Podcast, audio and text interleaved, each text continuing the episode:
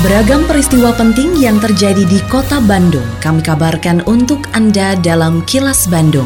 Diproduksi oleh LPS PR SSNI Bandung bekerja sama dengan Humas Pemkot Bandung yang disiarkan serentak oleh 40 radio anggota PR SSNI Bandung. Sejumlah informasi aktual kami hadirkan untuk Anda dan inilah informasi utamanya. Satgas Citarum Harum terus bekerja saat pandemi COVID-19. Permudah wajib pajak, BPPD Kota Bandung bebaskan denda PBB. Pemkot Bandung kembali fasilitasi rumah singgah bagi tenaga kesehatan. Saya, Santika Sari Sumantri, inilah kilas Bandung selengkapnya. Merebaknya penyebaran virus corona atau COVID-19 tidak menyurutkan semangat prajurit Kodam 3 Siliwangi untuk menjalankan tugasnya dalam pelaksanaan program Citarum Harum. Komandan Sektor 21 Satgas Citarum Harum, Kolonel Infantri Yusef Sudrajat mengatakan, selain terus menjalankan tugas pokoknya di Citarum Harum, Satgas juga ikut membantu pemerintah dalam memberikan sosialisasi mengenai pencegahan penyebaran virus corona di Sektor 21. Selain itu, pihaknya juga membagikan bantuan sembako kepada sejumlah masyarakat yang terdampak COVID-19. Bantuan sembako berasal dari partisipasi beberapa perusahaan dan mempercayakan pembagiannya kepada Ketua Harian Satgas Citarum Harum. Bantuan lainnya berupa alat pelindung diri atau APD yang diserahkan kepada pemerintah provinsi, kemudian langsung ke rumah sakit, di antaranya Rumah Sakit Hasan Sadikin dan beberapa rumah sakit daerah lainnya. Walaupun COVID-19 ini merebak di mana-mana, tapi kita tetap kegiatan untuk melaksanakan uh, kegiatan Citarum Harum, tetap kita lakukan, di samping juga membantu pemerintah menanggulangi, mensosialisasikan penanganan COVID-19 Badan Pengelolaan Pendapatan Daerah atau BPPD Kota Bandung membebaskan denda administratif pajak bumi bangunan atau PBB wajib pajak yang tertunggak sejak 1993 sampai 2018. Kepala BPPD Kota Bandung, Arif Prastia, mengatakan pembebasan administratif denda PBB itu untuk mendorong pembayaran pokok pajak yang tertunggak. Selain itu, pembebasan denda pajak ini juga terkait dengan pandemi COVID-19,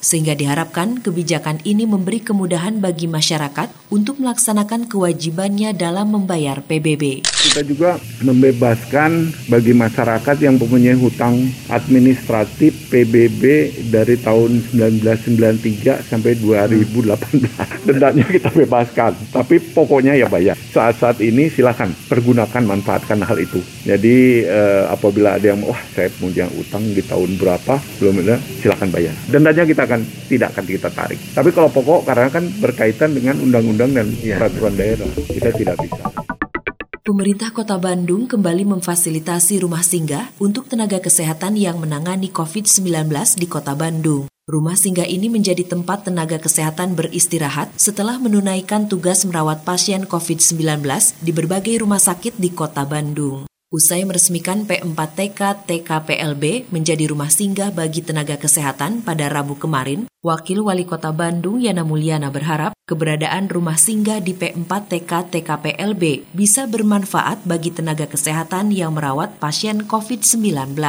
Yana juga berharap adanya rumah singgah ini dapat memberikan keamanan dan kenyamanan kepada para tenaga kesehatan sebagai garda terdepan dalam upaya penanganan COVID-19 di Kota Bandung. Rumah singgah P4TK TKPLB di Jalan Dr. Cipto menyediakan 24 kamar untuk 53 tenaga kesehatan.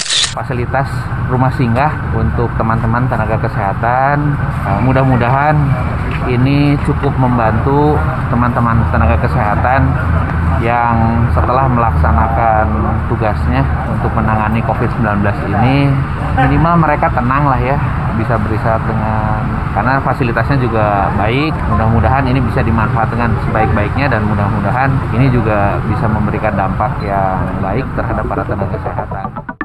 Terkait dengan berita sebelumnya.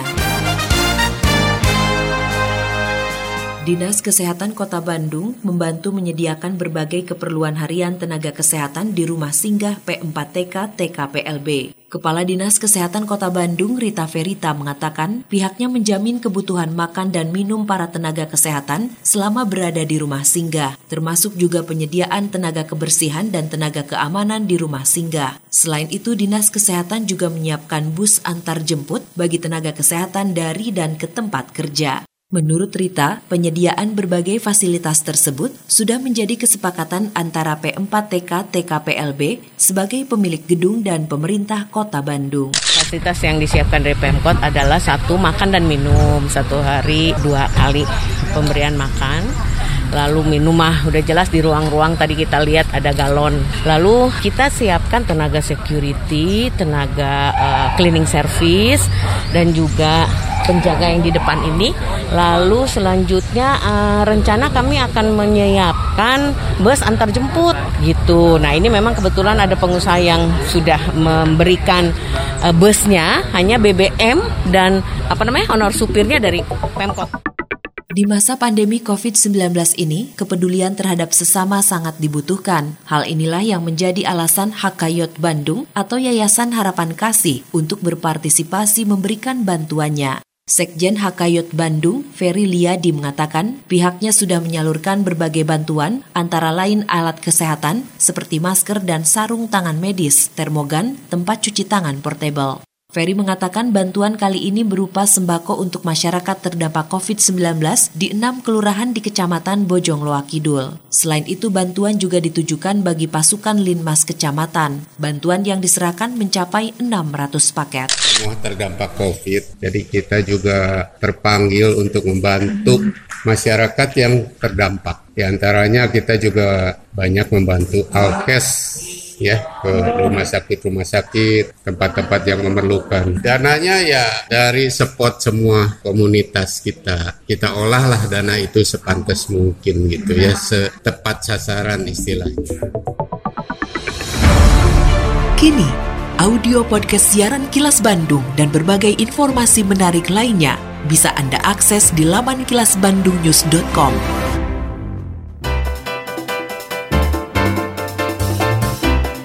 Berikut sejumlah agenda kerja para pejabat Pemkot Bandung Kamis 14 Mei 2020. Wali Kota Oded M. Daniel menerima secara simbolis bantuan paket sembako dari Maya Pada Group. Selanjutnya mengunjungi laboratorium B2SL di kantor Dinas Kesehatan Kota Bandung. Agenda lainnya memberikan secara simbolis bantuan CSR untuk Kebun Binatang Bandung melalui Yayasan Marga Satwa Taman Sari Bandung. Sementara itu Wakil Wali Kota Yana Mulyana bersama Sekretaris Daerah Emma Sumarna mengikuti video conference rapat koordinasi pencegahan KPK wilayah Jawa Barat terkait koordinasi dan monitoring bansos dalam rangka COVID-19. Selain sejumlah agenda kerja para pejabat Pemkot Bandung, informasi dari Humas Kota Bandung, yaitu Dinas Pemadam Kebakaran dan Penanggulangan Bencana atau Diskar PB Kota Bandung, siap membantu layanan di Stasiun Bandung dan Bandara Hussein Sastra Negara. Hal itu menyusul dengan telah kembali beroperasinya kereta api dan sejumlah penerbangan dari dan ke Kota Bandung. Sekretaris Diskar PB Kota Bandung, Rahmat Hidayat, mengatakan untuk di stasiun Bandung ada satu keberangkatan kereta api, yaitu kereta api luar biasa Bandung-Surabaya dengan jadwal keberangkatan pukul 6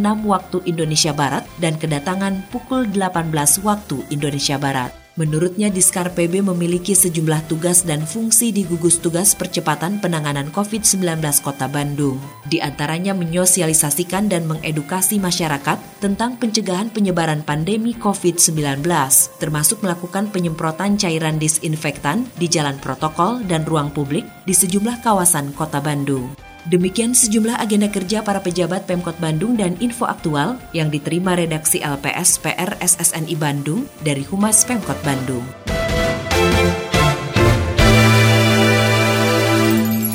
Terima kasih Anda telah menyimak Kilas Bandung bekerja sama dengan Humas Pemerintah Kota Bandung yang diproduksi oleh LPS PR SSNI Bandung.